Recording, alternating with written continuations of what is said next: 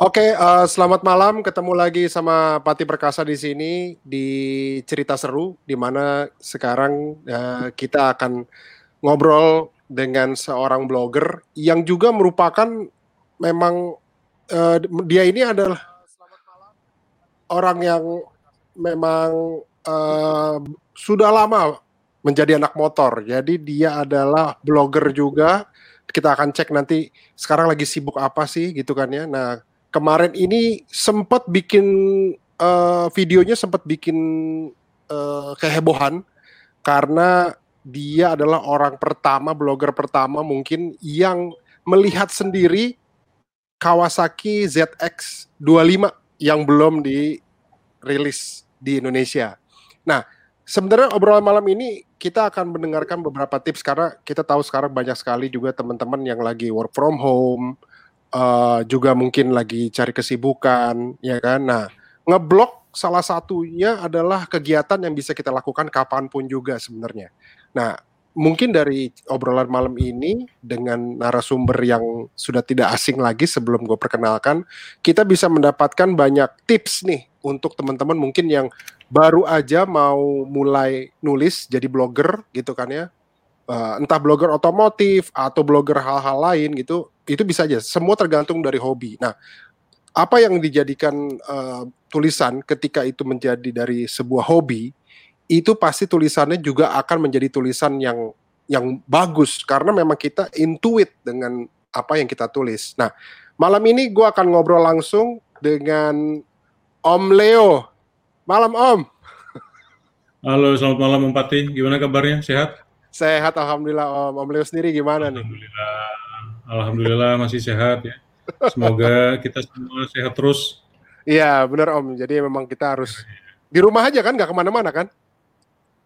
Iya kadang-kadang kalau kerjaan harus ke kantor, ke kantor uh, karena ada pertemuan-pertemuan yang permintaannya memang harus datang sendiri. Nggak bisa Kayak, lewat apa, digital gitu ya?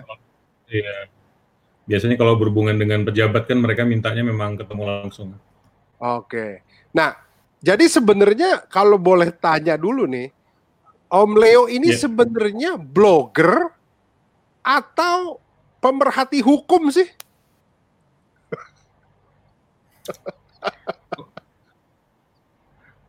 Pemerhati blogger yang dihukum.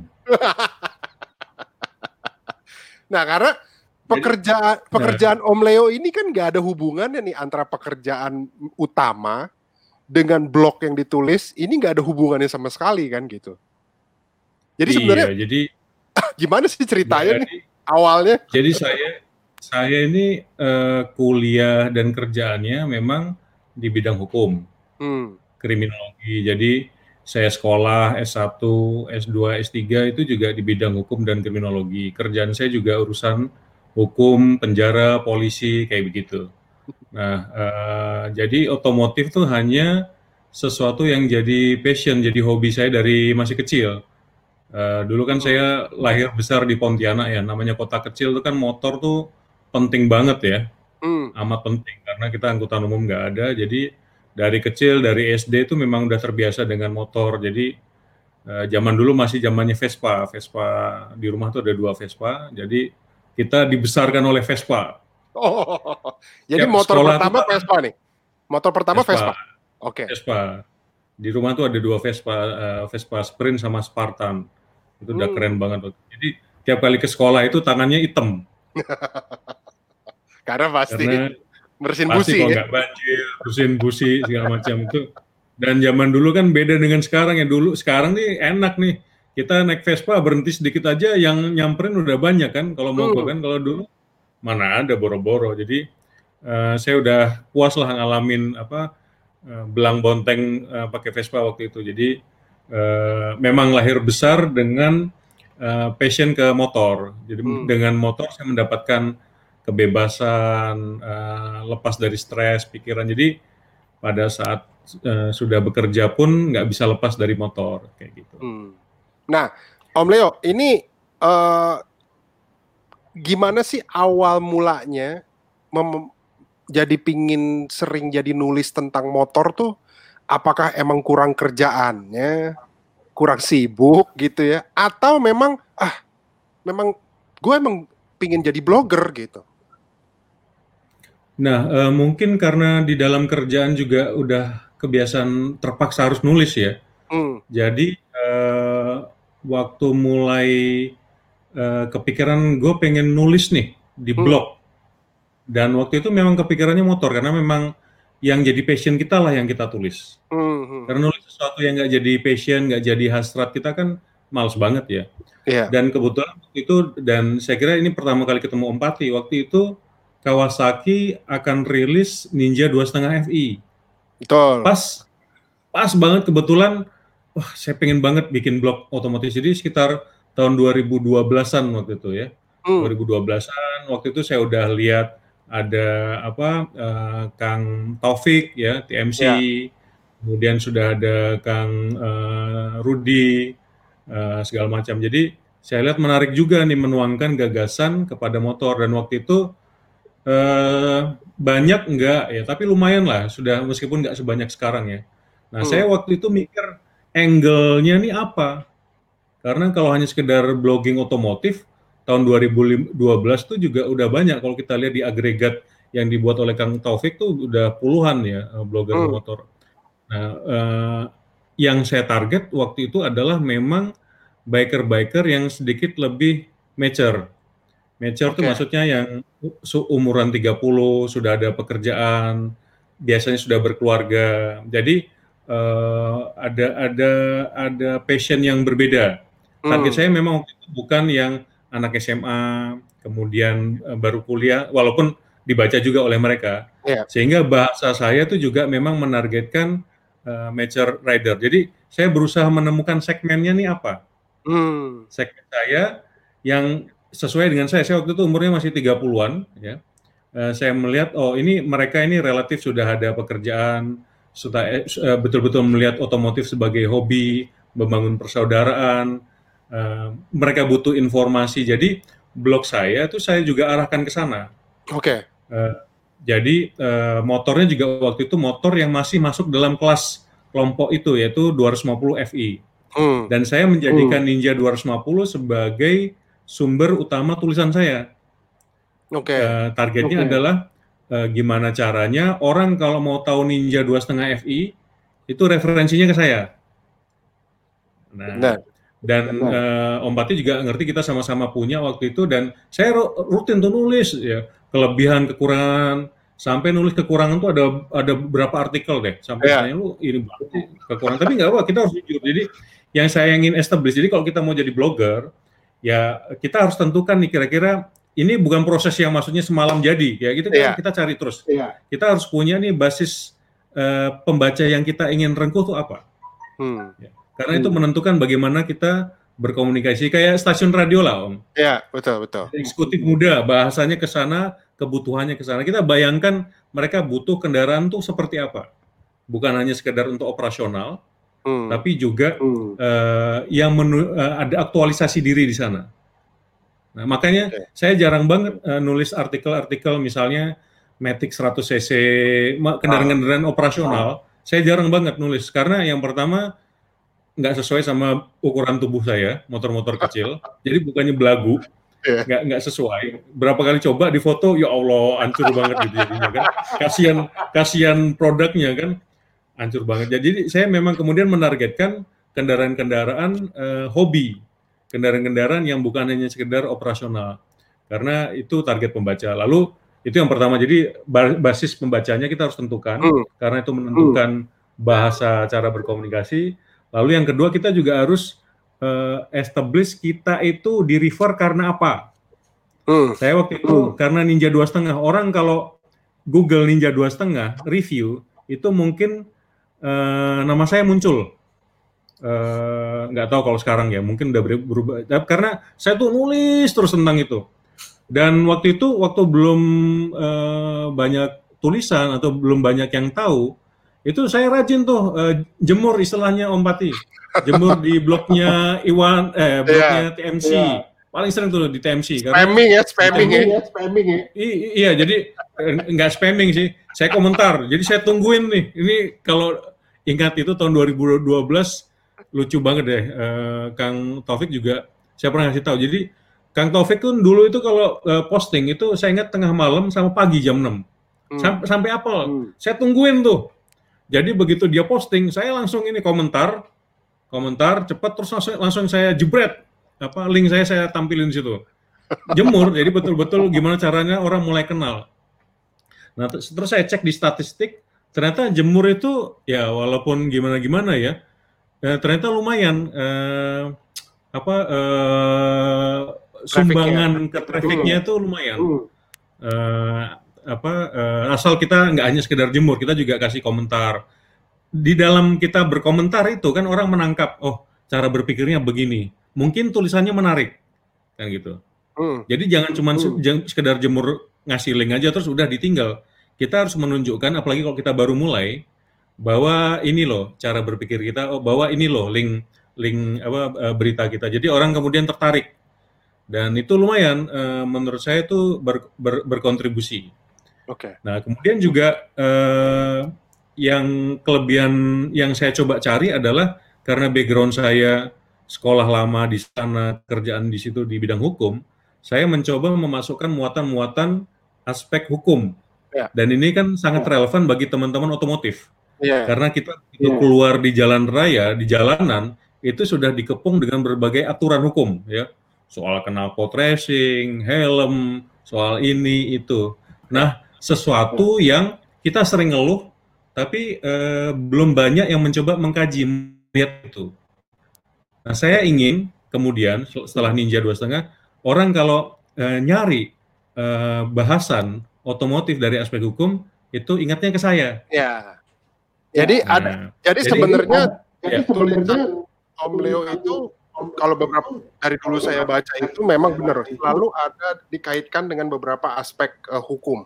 Nah, sebenarnya Om yang saya ingin tahu adalah semua ini udah disetting atau memang yang ah go with the flow aja deh gitu. Jadi bener-bener nulis apa yang ada di kepala ya tulis aja gitu. Nah karena menurut saya kan gini, banyak orang yang bener gak ada basic menulis, pingin jadi blogger gitu kan ya. Nah, kalau Om Leo sendiri dari Om Leo tuh kira-kira gimana sih Om untuk uh, memulai sebuah tulisan tuh biasanya bagaimana prosesnya? Kalau saya harus jujur ya, uh, oh. saya tuh kalau nulis lama. Oke. Okay. Uh, lama dalam artian uh, untuk setiap paragraf yang saya tulis saya tuh mesti baca dulu. Saya mesti mikir, terus berapa kali edit. Jadi untuk satu artikel saya tuh bisa tiga jam. Berapa sih nggak hmm. percaya?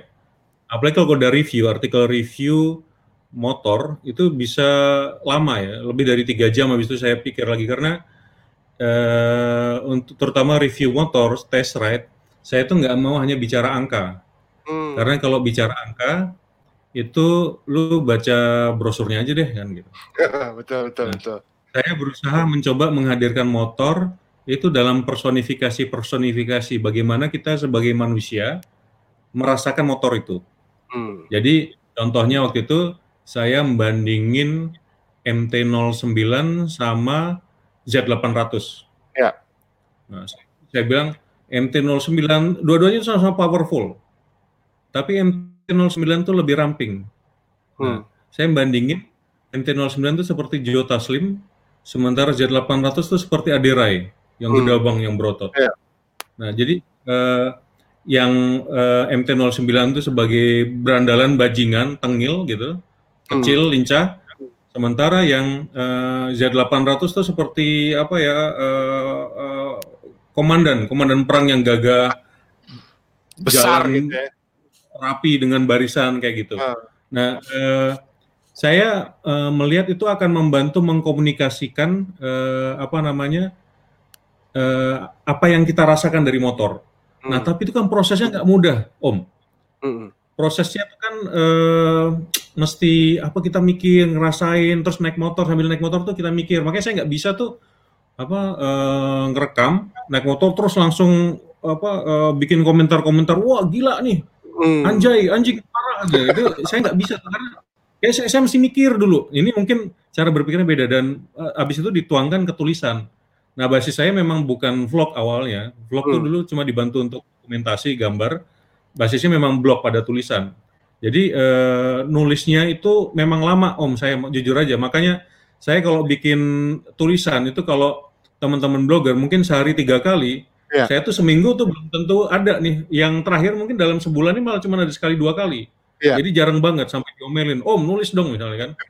Nah, uh, draft tuh banyak, uh, tapi wah ini kayaknya saya mesti baca lagi yang uh, saya ada satu artikel saya harus baca lagi yang perkembangan motor tahun 80-an Hmm. Saya masih baca dulu, wah aduh, ntar dulu deh gitu. Jadi yeah. uh, kenapa? Karena nah teman-teman juga kalau memang mau blogging itu harus pastikan kita tuh membawa sesuatu yang baik, sesuatu yang hmm. berbeda dan hmm. baik ya. J uh, eh, jangan kemudian uh, apa yang ada di blog-blog lain itu teman-teman uh, ikutin isinya terus dituangkan, nggak ada ciri khas. Kan kita kalau blogger tuh sering dapat press release tuh om. Iya, kiriman dari nah, inilah ya dari oh. apa dari Honda, Kawasaki, Yamaha tuh kirim blast gitu kan ya. Memang rata-rata tulisannya pada banyak yang iya. sama. nah, itu saya pusing tuh karena bagaimanapun saya harus menghargai mereka ya. Hmm. Uh, jangan sampai mereka ngirim press release 10 nggak ada satupun yang saya muat kan nggak enak. Kadang yeah. saya muat. Nah, cuma karena saya nggak mau sekedar ngambil itu jadi mesti mikir lagi gitu loh apa ini gimana uh, format tulisannya. Hmm. Gambar saya hilang nggak sih? Oh enggak, oke. Okay. Jadi uh, itu uh, uh, riset latar belakang itu jadi penting supaya pada saat orang itu baca tulisan kita, mereka menutup tulisan dengan oh gue ngerti sesuatu nih dari artikel ya, ini, gue dapat sesuatu dari artikel ini, sehingga mereka ada dorongan untuk baca lagi. Satu. Lalu yang kedua jadi kebanggaan juga bagi kita setelah berapa tahun kita baca, kita bangga tuh tulisan kita. Oh, ini masih enak dibacanya, masih hmm. relevan. Hmm. Jadi uh, apa yang ditulis oleh teman-teman lima menit selesai, itu persiapannya bisa tiga jam nulis. Hmm. Nah, Om, kalau misalnya tadi dibilang bahwa uh, Om ini memang nulis nih agak lama karena memang mau mencari uh, banyak riset yang menurut Om nggak bisa asal-asalan gitu. Dia apa cara berpikirnya beda dengan teman-teman yang mungkin blogger-blogger uh, lain. Karena gini, gue membaca blognya Om Leo itu seakan-akan gue bisa berada di atas motor tersebut.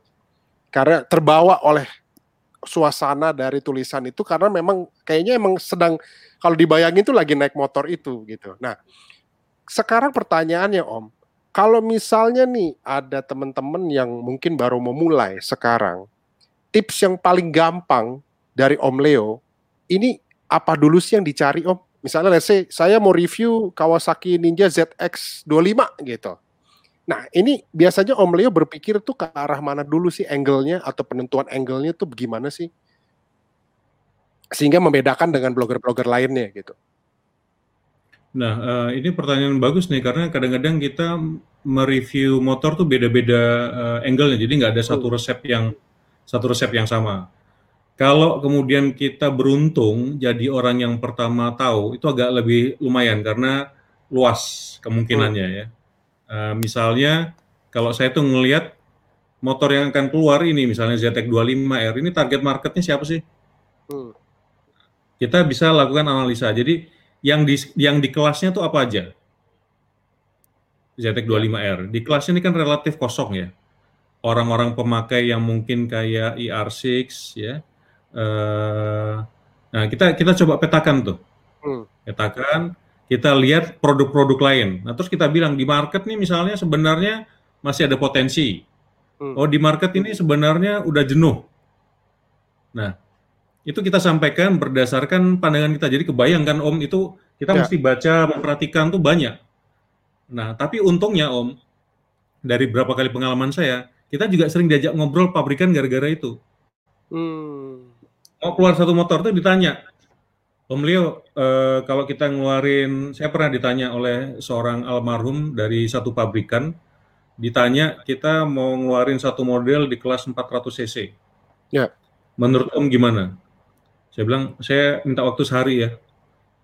Saya jawab, hmm. nah, eh, ya sambil ngerjain-ngerjain yang lain, tapi saya baca-baca-baca riset, terus saya bilang eh, potensinya gede, kalau bisa di harga segini karena begini. Jadi jadi kita jelaskan. Hmm. Nah begitu juga saat uh, walaupun saya nggak saya publish karena kan kita harus jaga kepercayaan uh, yeah. pabrikan ya.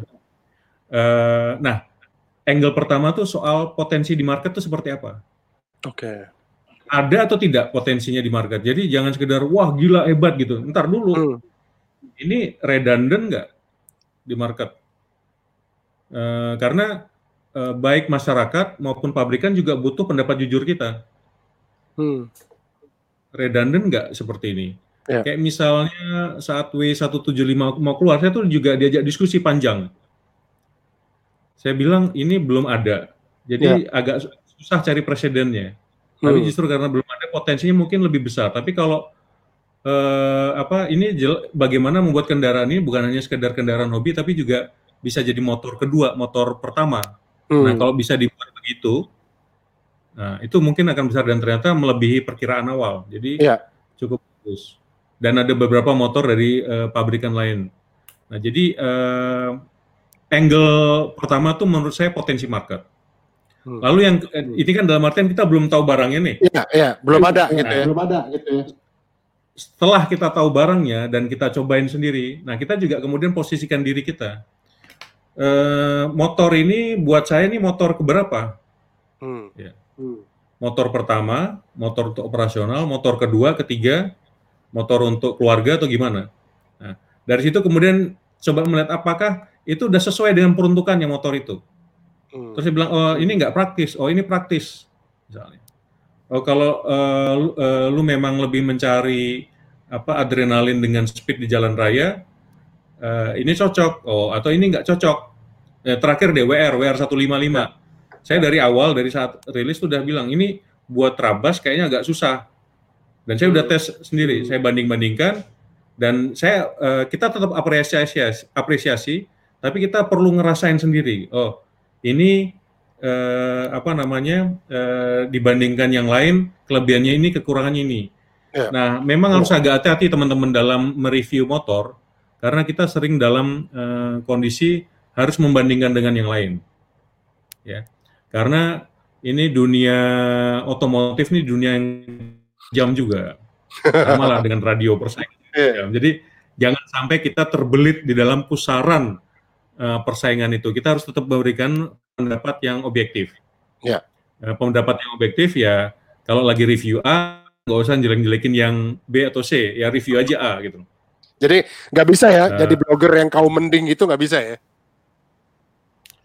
Ya itu yang itu tadi Om, kita mesti jelas dari awal. Kita harus bilang motor ini targetnya di di luar itu yang di atasnya merasa gue ngapain beli motor itu? Kan? Ya yeah. misalnya yang biasa main moge gue ngapain beli motor itu? Atau yang di bawah ya ya maksudnya style ini aja style apa style harapan aja gitu loh. Jangan memaksakan kan gitu. Benar benar. Nah om sebelum kita lanjut ini ternyata udah banyak banget yang komen di uh, YouTube ya. Ada Reja Dado, ada Joy Augusto, ada Mini Motovlog Ambon, ada Vlog Ratu, ada Mini Motovlog Ambon juga. Ini ada satu pertanyaan nih Om dari uh, Joy Augusto, ya, Om Leo. Yeah. Bagaimana tanggapan Om Leo tentang fenomena motovlogger? Ini kan banyak banget sekarang. Motovlogger ini kayaknya hampir wah ada ratusan kali kalau di malah ribuan kali di YouTube untuk yang Indonesia. Karena udah mulai banyak sekarang. Nah, menurut Om sendiri bagaimana? Karena menurut saya ini kan sebuah konten yang berbeda ya, ada tabrakan kadang-kadang, ada kecelakaan gitu kan ya. Nah, what do you think Om dengan fenomena ini? Oke, okay, uh, eh, waktu saya mulai blogging itu kan kondisinya dari segi infrastruktur internet di Indonesia masih mengalami keterbatasan. Hmm. Dalam artian akses internet tidak secepat dan seluas sekarang. Jadi pada saat itu memang blogging jadi salah satu pilihan utama dalam menyebarkan gagasan. Nah, tapi belakangan uh, infrastruktur internet bertambah bagus, akses meluas dan membaik.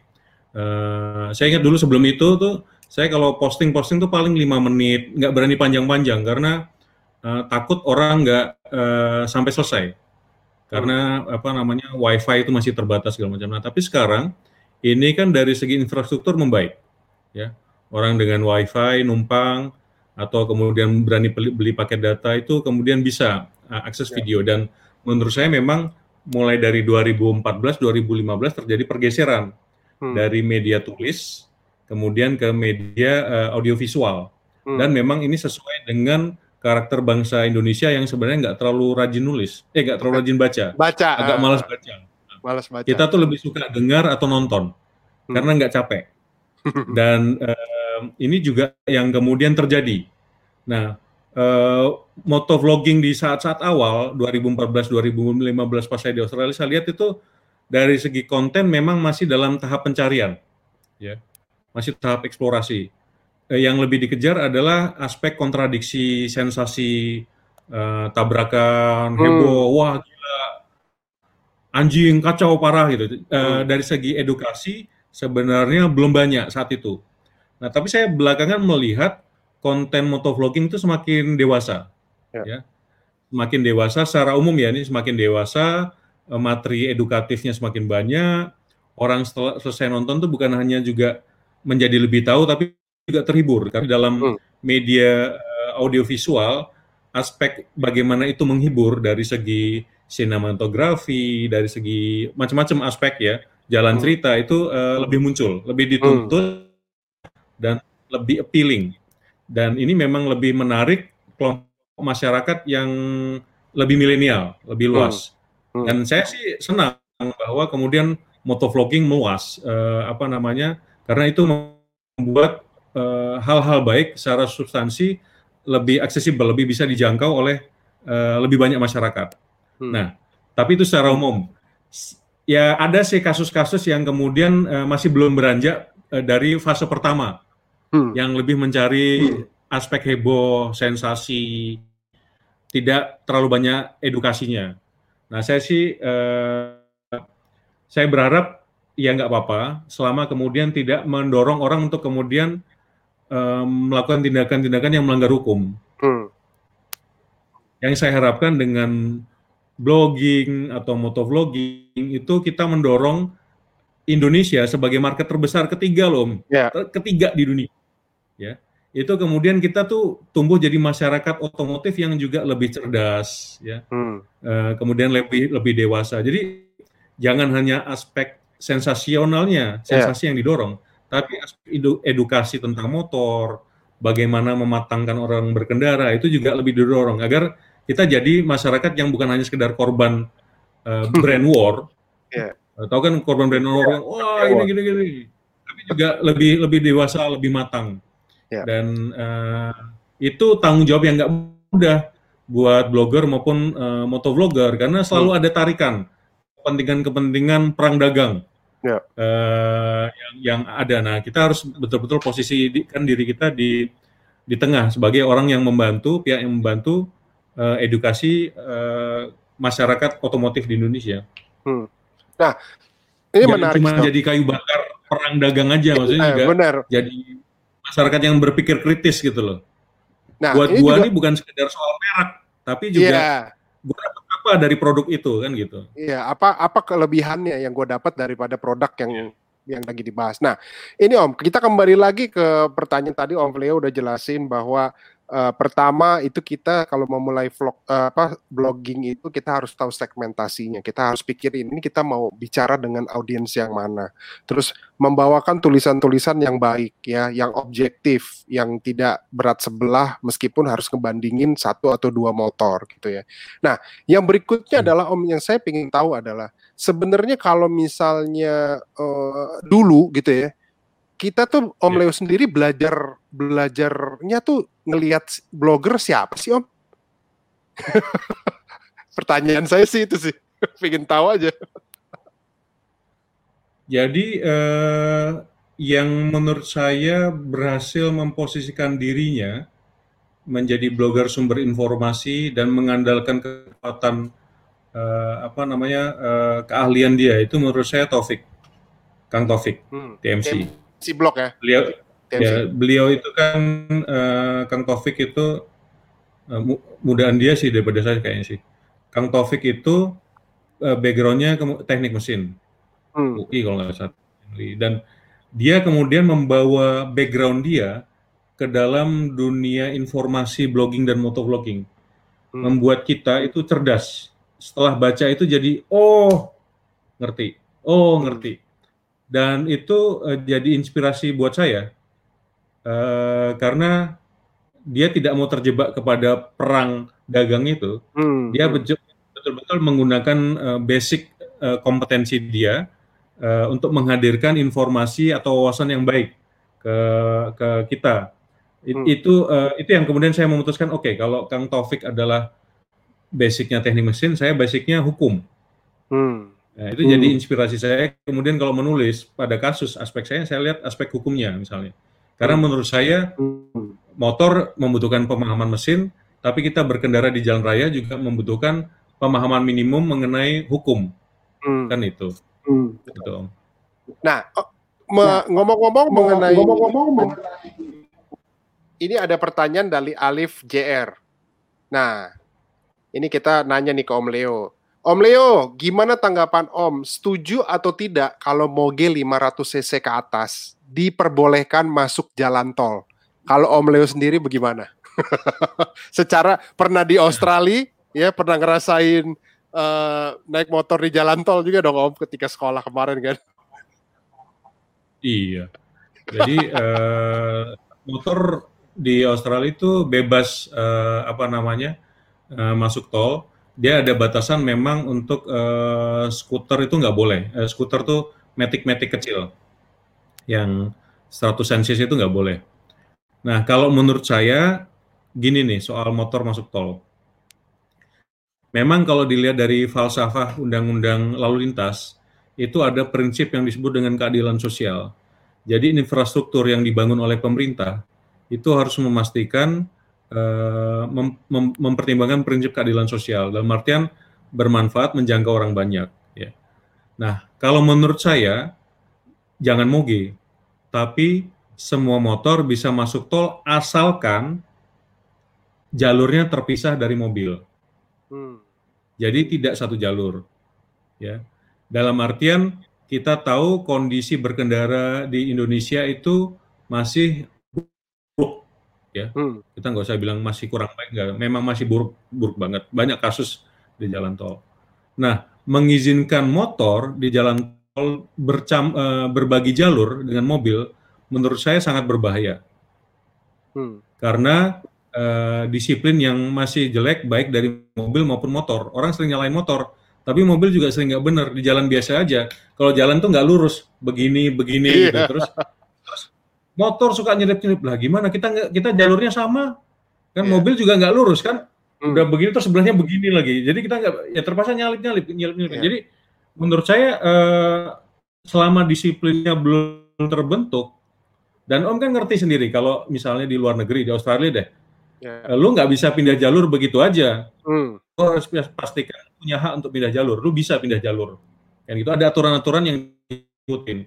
Nah kalau di sini kan kagak ya uh, kita lagi jalan nih, oh kayak yang kiri ini lebih cepat kan? Pindah lebih ke cepet, kiri. Langsung pindah. kanan lebih cepat, balik lagi ke kanan. Itu mobil ya. Jadi kebayang di jalan tol dalam kecepatan tinggi, ya apalagi yang video-video supercar tuh ngeri banget hmm. kalau ada motor. Jadi saya setuju motor bisa masuk tol, tapi satu, tol luar kota dan jalurnya pisah. Tol luar kota kenapa Om? Karena akan membantu pertumbuhan ekonomi masyarakat. Hmm. Ya, jadi misalnya dari Brebes ke Tegal atau dari beberapa kota. Jadi mereka bisa masuk tapi jalurnya dipisah om di tepi. Iya. Jalur khusus dan ada kecepatan ya. maksimal. Jadi nggak akan uh, masuk ke jalur mobil. Karena jalan tol itu juga adalah proyek yang harusnya membawa uh, manfaat bukan hanya bagi orang yang punya mobil, hmm. tapi juga bagi orang yang hanya punya motor. Ya. Kayak gitu. Nah, okay. uh, eh, dan itu satu. Kemudian dari pertimbangan advokasi, lebih mudah bagi kita untuk mengadvokasi begitu ketimbang mengadvokasinya moge. Kenapa? Karena tidak akan dapat simpati, yang ada yeah. dibully. Alah, arogan. belum tentu juga motornya, oh arogan mentang-mentang moge, oh, orang kaya, pokoknya dapat hak khusus. Atau misalnya, oh loh, moge masuk tol belum tentu juga bayar pajak, kan? Hmm. hmm. bodong misalnya. Jadi kalau saya lihat kemungkinan uh, dapat support dari masyarakat akan lebih besar kalau kita bicara konteks motor secara umum keseluruhan. Tapi hmm. syaratnya itu tol luar kota karena tol dalam kota udah sulit, tol luar kota ya, pertumbuhan ekonomi dan jalurnya terpisah. Itu Om, kayak jembatan Suramadu itu kan jalurnya ya, terpisah ya. tuh Om. Betul. Bali juga kan di Bali, ya, ya kan? Ya, betul. Jadi Bisa kalau kok kalau nggak jadi mm. dibuat jadi syarat aja semua jalan tol baru antar kota itu harus uh, apa punya jalur uh, khusus untuk motor misalnya. Ya. Betul betul. Ya, jadi itu kalau dari Om Leo sendiri setuju ya. Karena ya sesuai sama undang-undang juga keadilan sosial. Iya, keadilan sosial. Setuju asal itu tadi Om, untuk seluruh jenis motor dan jalurnya terpisah. Hmm. Nah, sekarang gak, gini nggak kalau banyak biaya kok. Betul. Nah, sekarang gini Om, dari dari uh, dengan tadi Om bilang bahwa Om adalah salah satu orang yang kalau ditanya boleh nggak diperbolehkan masuk motor masuk, boleh asal jalurnya pisah gitu kan ya. Nah, sekarang dari aspek uh, safety-nya Om, ya. Kalau dari aspek safety, contohnya kalau di tadi Om bilang di Australia 150 cc ke bawah tuh kan nggak boleh ya masuk di tol gitu kan ya.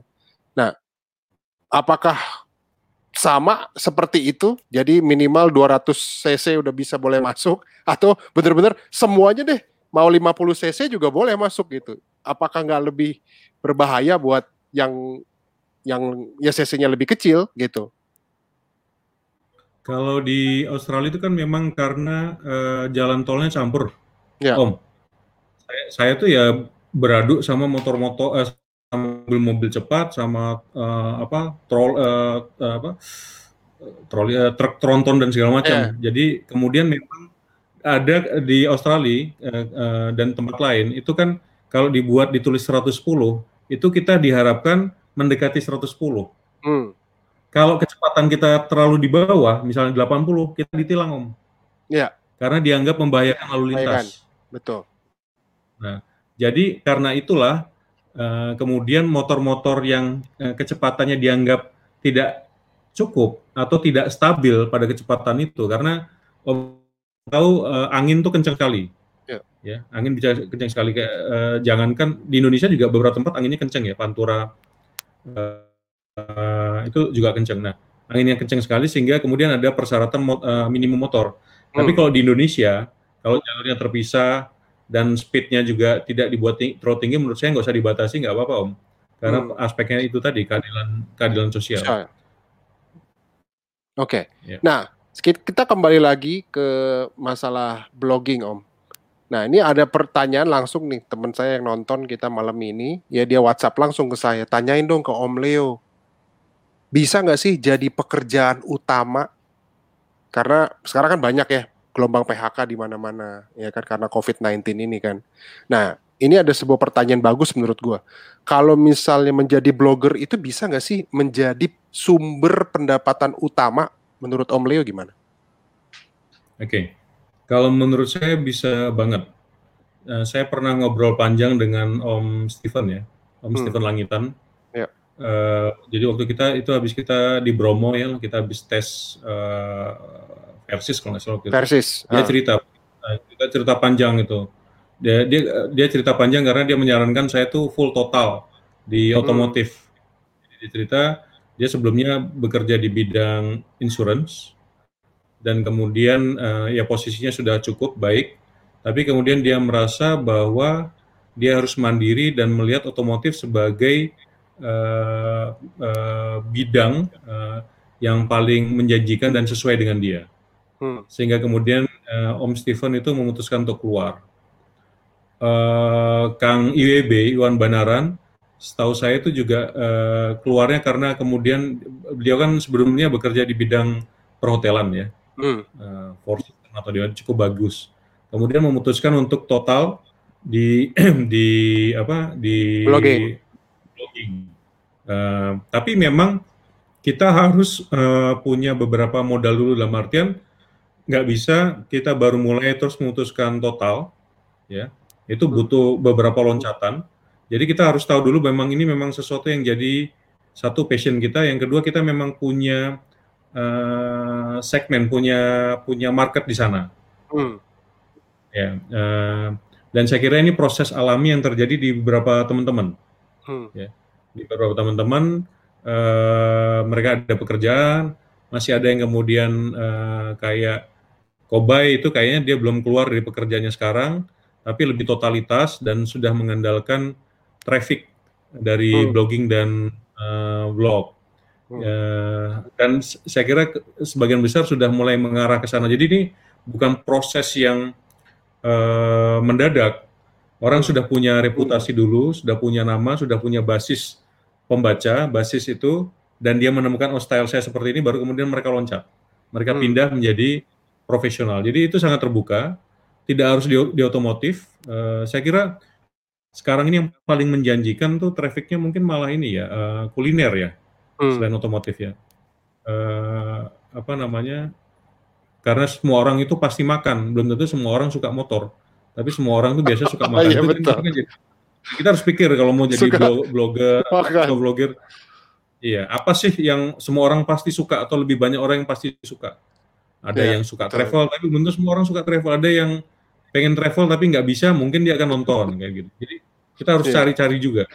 Nah, ini alhamdulillah basis otomotif tinggi karena kita memang nomor tiga yeah. nih Om di, di dunia kan. Di seluruh dunia.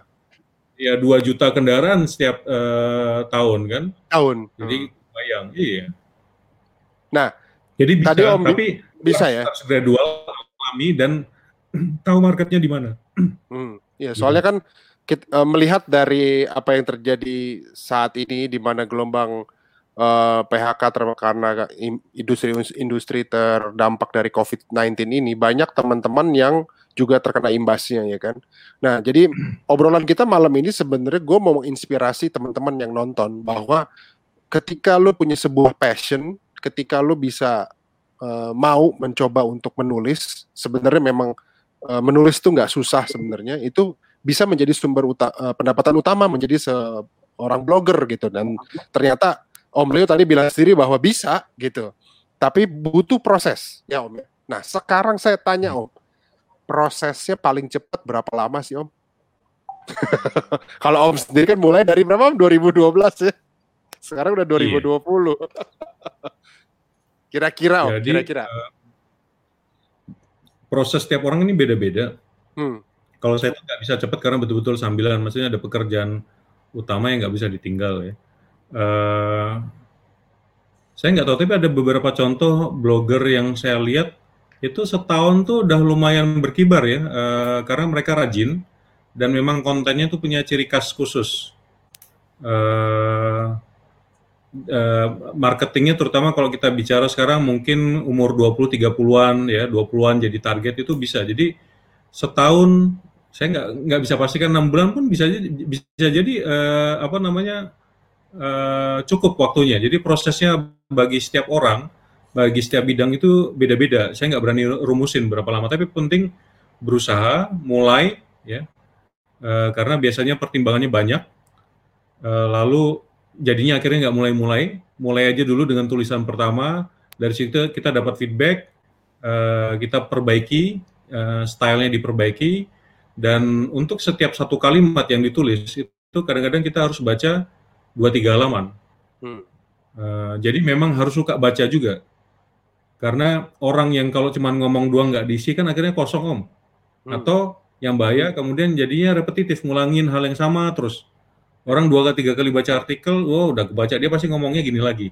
Iya. Yeah. Nah jadi sama kan kayak kayak saya buat uh, disertasi riset saya satu paragraf tuh membacanya banyak banget, baca berapa jurnal untuk membuktikan bahwa oh, itu benar yang saya tulis nah. tuh nggak bisa dibantah. Hmm. Itu juga untuk blogging. Uh, kalau kita mau ngomong begitu, kita harus tahu benar nih. Uh, apa namanya? Makanya saya berani waktu itu, uh, saya berani ngeritik tuh perdebatan saya ngeritik soal persaingan dagang. Perdebatan uh, SOHC dan EHC itu basi saya bilang. Hmm. Hmm. Karena itu menyesatkan. Karena motor itu nggak bisa disimplifikasi dengan konfigurasi camnya. Yeah. Ada banyak yang lebih luas dari motor pada cam. Hmm. Dan kalau kita hanya ngukur motor tuh bagus atau buruk karena itu, itu nggak konsistensi, nggak konsisten karena setiap pabrikan tuh sama aja, dia saling yeah, yeah. Um, menggunakan dua teknologi itu. Betul. Jadi mana yang mau dipakai? Eh, wow, itu rame tuh sampai sempat mau dihack tuh. Apa akun saya ada berapa kali percobaan? Hmm. Uh, tapi saya bikin datanya perbandingannya banyak. Saya bilang ini yang gini ini, jadi nggak bisa dibantah. Hmm. Dan saya udah kesal banget waktu itu karena uh, dibodoh-bodohin masyarakat kita tuh dibodoh-bodohin dengan simplifikasi parts. Hmm. Padahal motor tuh lebih hmm. daripada sekedar parts-nya. Kita ya. bicara nggak hanya parts prototo, tapi apa keseluruhan. Hmm. Kan gitu. Ya. Ya. Kayak gitulah, Om. Oke. Nah, ini ada pertanyaan sepertinya kayaknya dari uh, anak Om sendiri nih. Nah, jadi pertanyaannya adalah sebenarnya ini pertanyaan menarik apakah pajak moge di Indonesia bisa dihapuskan seperti di luar negeri, contohnya Australia dan Eropa? Bisa, Om. Seharusnya. Tadi kira arogan lagi. nah, eh, kita harus ngelihat ada aspek historis di hmm. Indonesia. Aspek historis di Indonesia itu adalah kemudian eh, kita selama puluhan tahun itu memang dibiasakan dengan motor-motor kecil, hmm. ya, motor-motor kecil.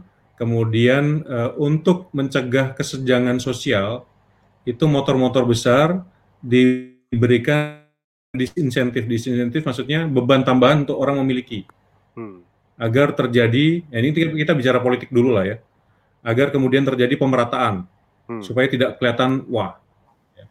Kemudian pertimbangan lain secara historis waktu itu adalah untuk uh, memproteksi uh, apa namanya uh, ekonomi pro, industri dalam negeri. Ya. ya. Harapannya kan motor-motor kecil yang diproduksi itu kan menciptakan lapangan kerja. Hmm. Ya. Uh, sehingga kemudian lebih banyak lapangan yang kerja terserap, uang yang berputar di dalam negeri lebih tinggi. Nah, motor-motor besar ini kan rata-rata import, Om. Ya. Sehingga kemudian dikenakanlah uh, skema pajak yang berlapis. Ini aspek historisnya. Nah, celakanya pada saat kemudian masyarakat secara ekonomi menjadi lebih kompleks, berubah, kelas menengah membesar, kan kelas menengah kita membesar nih, Om. Ya. Kalau dulu itu kan memang betul-betul jauh ya, betul-betul miskin ya. hampir sebagian besar. Lalu yang kaya, nah jaraknya jauh. Nah sekarang itu kan sebenarnya masyarakat kelas menengah kita tuh mulai menggelembung. Om lihat aja deh, 250 cc itu kan semakin besar marketnya. Ya. Walaupun diversifikasi ya, ada yang bukan hanya sport, ada adventure, ada rally, ya. tapi kan membesar. Hmm. Dan ini sebenarnya secara alami kebutuhan untuk CC yang lebih tinggi 400 600 kan juga sebenarnya membesar. Hmm. Ya. Tapi kemudian terblokir ada bottleneck di PPNBM di atas 250 cc. Ya. Nah, jadi peraturan-peraturan masa lalu itu yang menghambat sebenarnya penyerapan market masa sekarang. Hmm. Bisakah berubah? Bisa, tapi persoalannya masih ada sentimen mengenai kelas, sentimen kelas. Hmm. Contohnya sentimen kelas ini nggak semua orang mendukung uh, pajak moge diperlonggar. Ya. Uh, dengan alasan sekarang nggak pakai moge aja orang anak alay seruntulan sok jago ngebut di jalan. Apalagi uh, moge berubah. Yang pro bilang ah lu nggak mampu beli aja sirik misalkan hmm. gitu. Jadi eh, apa namanya sentimen-sentimen ini muncul. Nah, menurut saya, kalaupun kita nggak bisa atau belum bisa beli moge, itu didukung aja lah kenaikan batas ambang batas pajak. Ya. Kenapa? Kalau ya. Kalau ambang batas naik, misalnya ke 500 cc atau lebih tinggi, kita yang nggak belum bisa beli moge itu juga diuntungin om. Hmm. Kenapa? Harga moge second jadi murah. Hmm. Kita yang nggak mampu beli moge yang baru, yang 1000 cc, mungkin kemudian akan bisa beli mogi yang 500. Ya. Jadi menurut saya ini ada dalam kepentingan kita semua, ya, baik yang sekarang bisa beli mogi atau enggak, untuk sama-sama mengadvokasi agar batas itu bukan dihapuskan sih Om, dinaikin. Dinaikin. Dari ya. 250 naik jadi 500 misalnya. Kalau dihapuskan agak susah. Hmm. Karena ini per, eh, perdebatannya panjang. Jadi dinaikin atau kemudian sekarang ini kan ada tiga skema pajak berlapis. Ya. ya. Pajak pajak impor, PPNBM, PPH, BSM, barang sangat mewah. Ya, Jadi barang sangat mewah. Berlapis banget. Ya, berlapis banget. Jadi eh, dan setahu saya beberapa pabrikan itu sudah mulai melakukan advokasi itu. Ya, hmm. misalnya Yamaha, Yamaha itu memproduksi X-Max 300. Ya. Mereka minta agar batas dari 250 cc itu dinaikin Naikin. ke 300 hmm. dengan pertimbangan uh, di dalam negeri pun sudah diproduksi 300 ya. cc. Ya.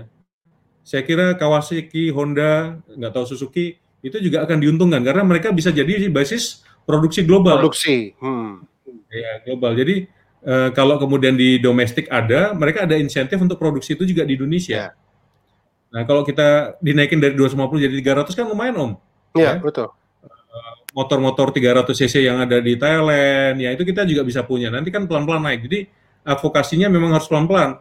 Jangan hmm. sampai kalah sama advokasi ibu-ibu pejabat yang menghilangkan tas mewah tas, dari tas mewah. List, list PPH BSM. Jadi dulu itu di dalam PPH BSM, koreksi saya kalau salah, itu masuk tas mewah hmm. ke dalam daftar yang dikenakan pajak. Di lobby dong, di lobby. Yeah. Hilang, dicoret Om. Di peraturan Menteri Keuangan berikutnya itu udah nggak ada lagi listnya. Motor Jadi, masih. Motor masih nyangkut ya. Kalau tas mewah motor itu masih hilang. Udah hilang.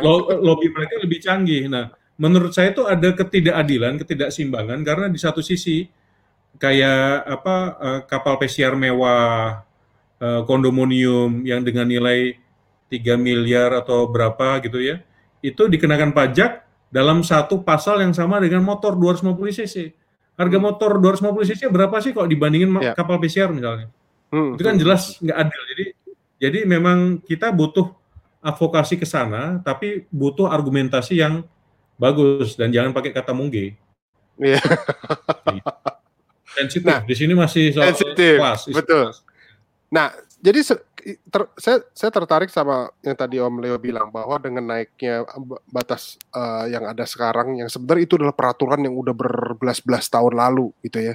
Yang belum sampai direvisi sampai sekarang. Mungkin zaman dulu moge menjadi sebuah hal yang luar biasa gitu ya. Tapi sekarang ya kayaknya hampir apa marketnya semakin menggemuk apalagi sekarang ya itu dia produksi-produksi uh, global di Indonesia udah mulai banyak kan ya Om ya gitu kan ya. Nah, pertanyaannya adalah sekarang Om, kalau misalnya kita uh, pingin mau mencoba uh, menadvokasi yang tadi Om Leo bilang, stepnya tuh gimana sih Om? Nah, kita itu ya uh, untuk teman-teman roda dua itu bisa dikatakan masih agak lemah mengenai basis advokasi karena kita tuh terpecah-pecah, hmm. baik terpecah pada merek, fans boy, fans boy, fans terpecah boy. pada merek, fans boy ya, terpecah pada merek, terpecah pada klub, komunitas. Jadi kita itu tidak punya apa ya common platform, uh, tempat berdiri yang sama. Hmm. Uh, dan saya bandingkan di beberapa negara di Australia misalnya, meskipun ada komunitas berdasarkan jenis, tapi mereka itu punya semacam federasi. Dan federasi ini rutin melakukan advokasi dengan pendapat. Nah, saya ambil contoh deh, uh, Om masih ingat gak tahun 2017 kan saya memulai petisi waktu itu yeah. yang menolak pelarangan sepeda motor lewat Kuningan dan Sudirman. Yeah. Saya waktu itu memang e, merasa itu petisi itu harus dilakukan karena tidak adil. Aspek keadilan sosial dilanggar. Yeah. Nah, tapi waktu itu kita nggak punya apa yang nama yang disebut dengan federasi bersama. Padahal kalau itu dilakukan, yang dirugikan itu kepentingan semuanya. Hmm. Nah di sini kalau mau advokasi, kita harus lebih punya exercise, exercise latihan-latihan begini om, seperti hmm. petisi itu, ya. Petisi yang kemudian bisa kita lakukan, advokasinya itu misalnya ini aja deh, ini kepentingan orang banyak. Soal tanggung jawab Pemda dalam memastikan permukaan jalan itu tidak bolong, tidak lubang. Hmm. Hmm. Ada banyak kasus kecelakaan lalu lintas buat sepeda motor loh, Om. Ya, gara-gara kondisi jalan. jalanan. Hmm. Nah, itu diatur di dalam undang-undang lalu lintas mengenai pertanggungjawaban. Tapi kita tuh diem, maksudnya ya itu musibah. Saya waktu ngajuin petisi itu dianggap nggak apa nggak mau terima apa ngelawan pemerintah segala macam. Enggak, kita tuh ada hak. Kita warga negara tuh berhak hmm. untuk memberikan masukan. Kayak gitu. Nah, cuma tekniknya seperti apa? Waktu petisi, saya yang saya bilang adalah saya setuju pembatasan, tapi jangan cuma motor, mobil semuanya. Hmm. Oh, mikir kan mereka yang bikin keputusan kan naik mobil, naik motor yeah. kan. Kalau mereka nolak, ini isunya diskriminatif kan jadinya kan. Yeah, betul. Nah, jadi kadang-kadang dalam nanti kita apa namanya uh, advokasi itu juga aspek keadilan sosial yang harus didorong om. Hmm. Jadi jangan Jadi, hanya untuk kepentingan satu kelompok. Da dasar nah. dasarnya itu ya yang paling benar ya. Iya. Permukaan jalan yang berlubang itu mungkin nggak mungkin nggak membahayakan bagi mobil, tapi bagi motor itu bisa mencabut nyawa ya. pembayar pajak. Betul, nah, betul. Misalnya nih saya bayangin kita punya uh, gerakan bersama, kita punya aplikasinya, fotoin aja jalan-jalan yang gini. Terus kita gugat pemerintah class action, hmm. mengabaikan keselamatan pembayar pajak misalnya. Kita belum tentu menang om, tapi itu kan jadi pressure. Ya.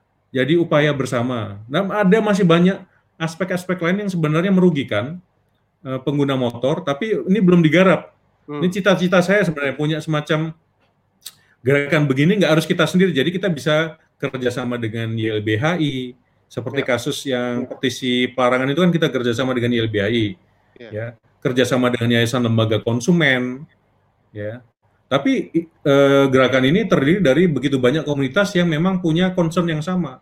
Hmm. Kemarin aja tuh masih ada pertanyaan, oh Om Leo kan dia kan ini orang motor ini gitu loh. Beneran, ya, ya. bener loh. Ya asli itu saya bilang hm, saya tuh nggak bukan soal saya naik motor apa gitu loh tapi ini kalau dilakukan pelarangan lu motor lu apa pun mereknya lu ya, akan terkena semuanya betul semuanya hmm. nah eh, sebagai market terbesar ketiga dunia komunitas motor kita tuh tercerai berai om nggak Sayang punya ya? sayang ya sayangnya karena itu tadi dicerai berai oleh fansboy perang dagang oleh komunitas hmm. yang sering berantem segala macam. Jadi ya. uh, itu itu PR-nya kalau mau bicara advokasi. Nah, setelah itu ada baru kita bicara advokasinya apa, Om? Hmm. Kayak gitu. Hmm. Jadi kalau menurut saya usulan saya pertama sih oleh itu permukaan jalan raya tuh. Pro prosesnya ini sebenarnya proses yang sangat panjang ya. Kita mulai dari ini, beberapa yang paling bawah dulu let's say jalanan ya kan habis itu ya. boleh naik ke yang lain mungkin tempat parkir umum buat motor ya kan ya. mungkin bisa begitu ya Okay, Jadi okay. sebelum ngomongin jalan tol, jalan yang biasa aja nggak bener kan gitu kan? yeah, yeah. Iya. Apa permukaan jalan bener, itu bener. lebih membunuh. Daerah Cilincing tuh eh, sekarang mungkin udah jadi ya, tapi dulu saya baca orang buset dah mati, yeah, jatuh, tiap tiap hari, kepelindes truk. Iya, hampir kan tiap gitu. hari. itu. Itu gimana nah, pertanggung jawaban pemerintah? Nah, jadi sarannya Om Leo bahwa apa yang kalau kita melaku, mau melakukan sebuah uh, ini para bikers kompak untuk uh, sama-sama mencari advokasi yang baik untuk kepentingan sama-sama, ini seharusnya sebenarnya bisa ya Om ya. Ya. Marketnya bisa. besar banget soalnya kan. Iya, uh, apa namanya demand kebutuhannya besar. Uh, masalahnya juga banyak. Kita tinggal pilih aja mana yang diangkat dan apa namanya uh, ya ini bagian dari mencerdaskan uh, apa uh, masyarakat otomotif. Jangan hmm. hanya terjebak pada isu sempit, uh, perang merek atau komunitas. Nah, oke okay, Om. Sekarang saya mau tanya nih, ini ada pertanyaan langsung dari teman saya juga. Dia pengen tahu, ada nggak sih Om kejadian-kejadian yang nggak bisa Om lupain selama menjadi seorang blogger? yang bener-bener wah banget gitu kayaknya.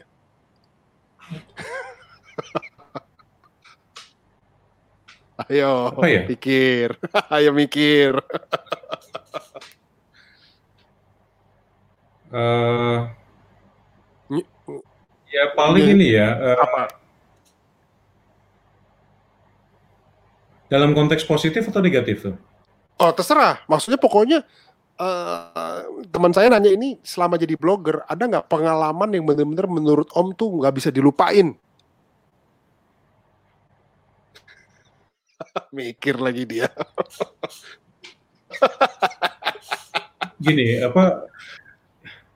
Kalau pengalaman-pengalaman yang baru dan berkesan sebagai hmm. blogger, menurut saya itu uh, kita sering dikagetkan dengan hal-hal yang baik yang kita dapatkan. Jadi semakin banyak. Hmm. Eh, misalnya gini, saya sering kali ditegur orang itu yang kenal hmm. di tempat yang nggak pernah saya bayangin.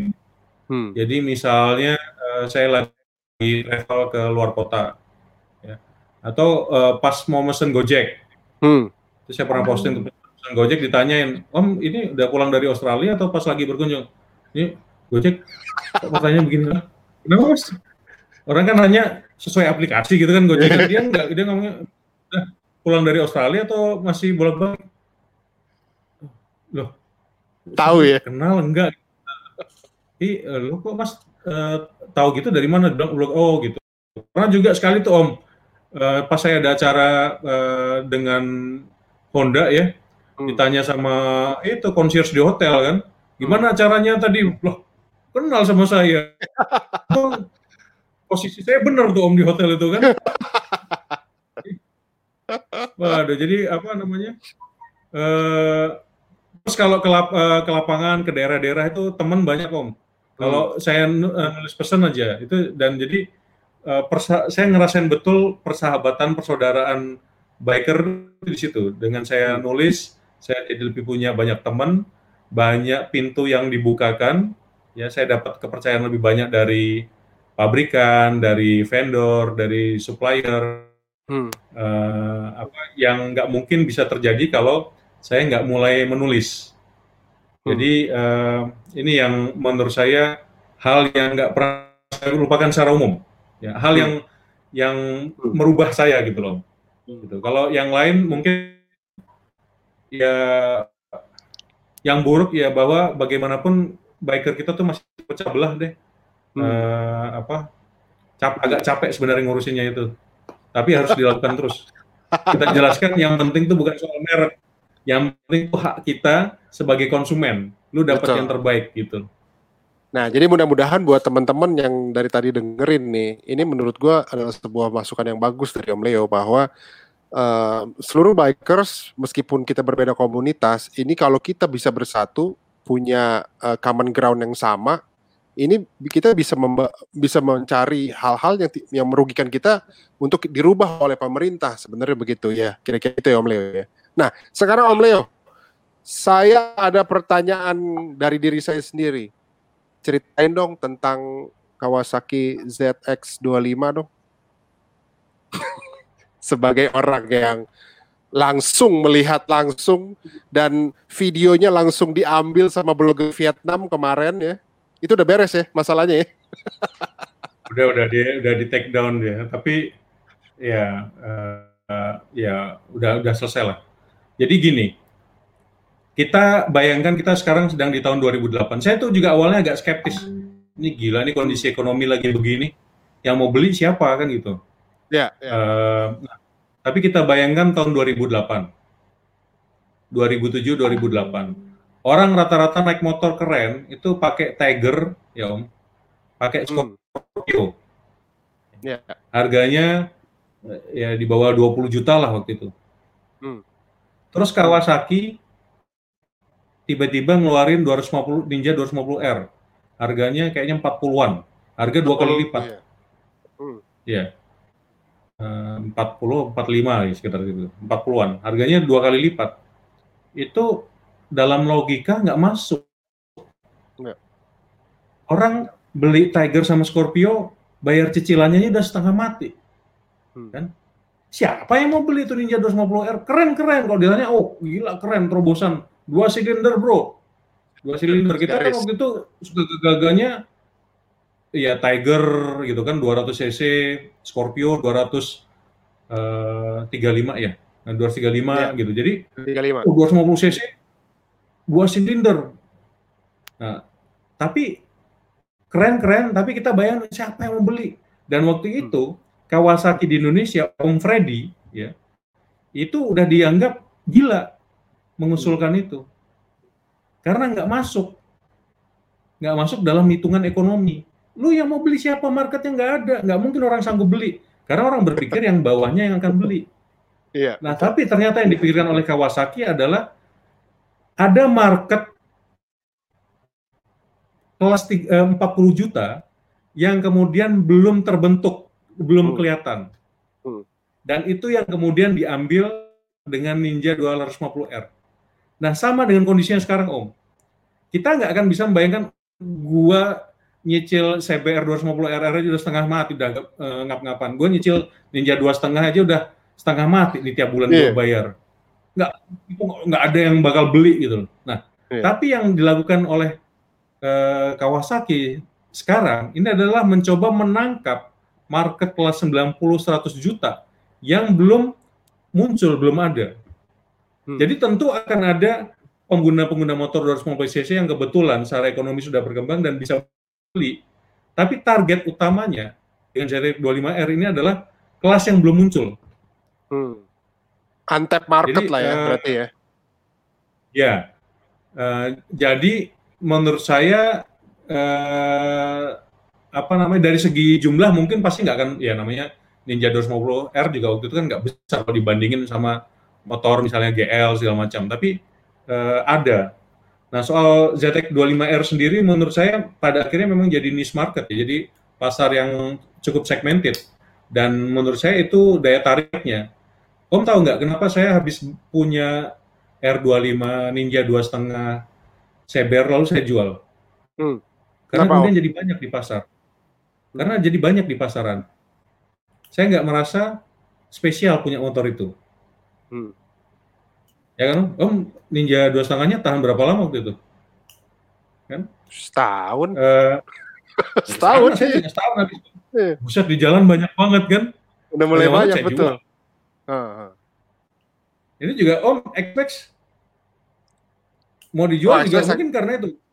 Iya, Xpex oh, agak lama ya. karena karena karena emang motor harian lah ya yang enak buat naruh tas iya. segala macem kan.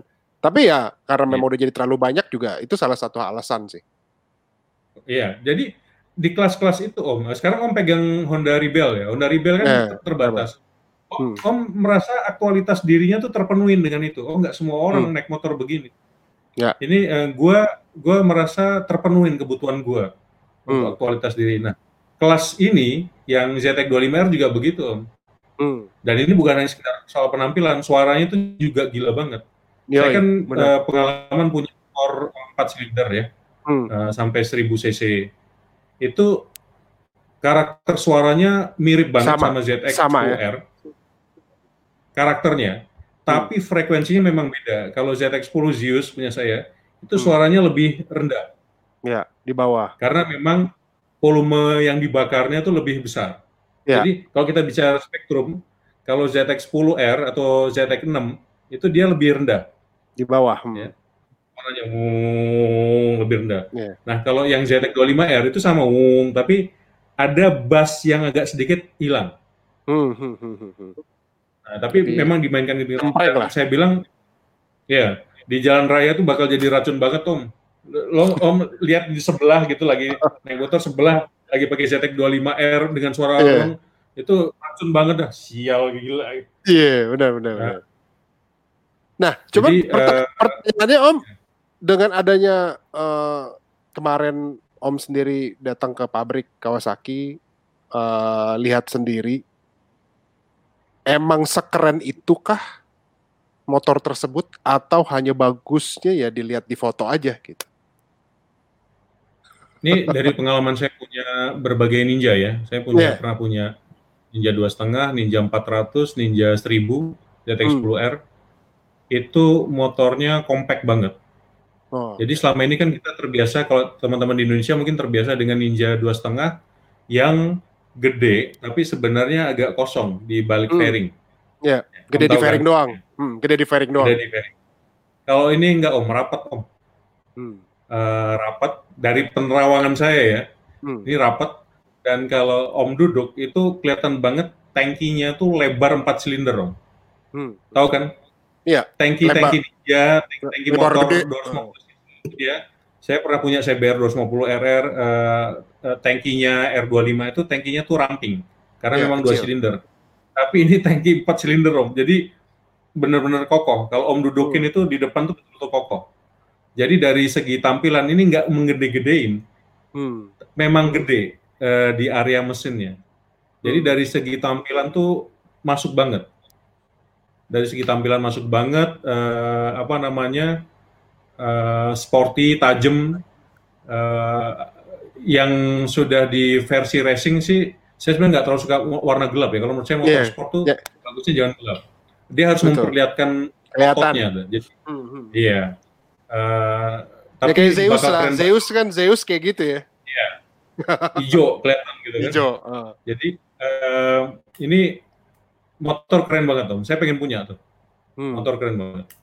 Nah om, kalau dilihat dari timelinenya sebelum Dan sorry Om, ini ah. saya, saya, saya udah dapat nama nih, blogger-blogger, vlogger-vlogger siapa aja yang udah mau inden, saya udah tahu nih. banyak berarti udah udah udah pada inden semua dong nih ya, blogger-blogger ya. Resminya sih belum boleh inden lah, tapi uh, saya tahu yang betul-betul yang serius mau tuh udah serius banget. Saya. Yeah. Dan nah, wajar. Nah. Sekarang Om, pertanyaan terakhir ya kira-kira kapan sih ZX25 ini menurut penerawangan Om akan keluar? Karena kan gara-gara COVID jadi mundur nih. Apakah dalam waktu-waktu dekat ini atau masih lama gitu karena COVID-19 ini? Uh, mudah-mudahan bulan depan ya. Oh bulan depan? Bulan ya? depan tuh mudah-mudahan bulan depan udah sampai ke konsumen ya. Nah tapi itu tergantung oh. Tergantung. Nah itu omongan ini omongan saya ya, bukan omongan uh, kawan jadi pancing pancing dikit. Yang itu ngomong itu bukan saya yang ngomong itu Leo. Nah, uh, sebenarnya yang res, kalau yang resminya begitu pemerintah melonggarkan PSBB, orang boleh kumpul, langsung dalam hitungan hari Kawasaki akan launching. Hmm. Dan begitu launching yang ditunggu. Ya, dan begitu launching dua minggu motor itu sampai ke konsumen. Hmm. Karena apa? Karena sebenarnya barang itu udah siap, barang itu udah ready. Jadi uh, kalau biasanya motor kan pada umumnya nunggu 4-6 bulan ya yeah. dari inden.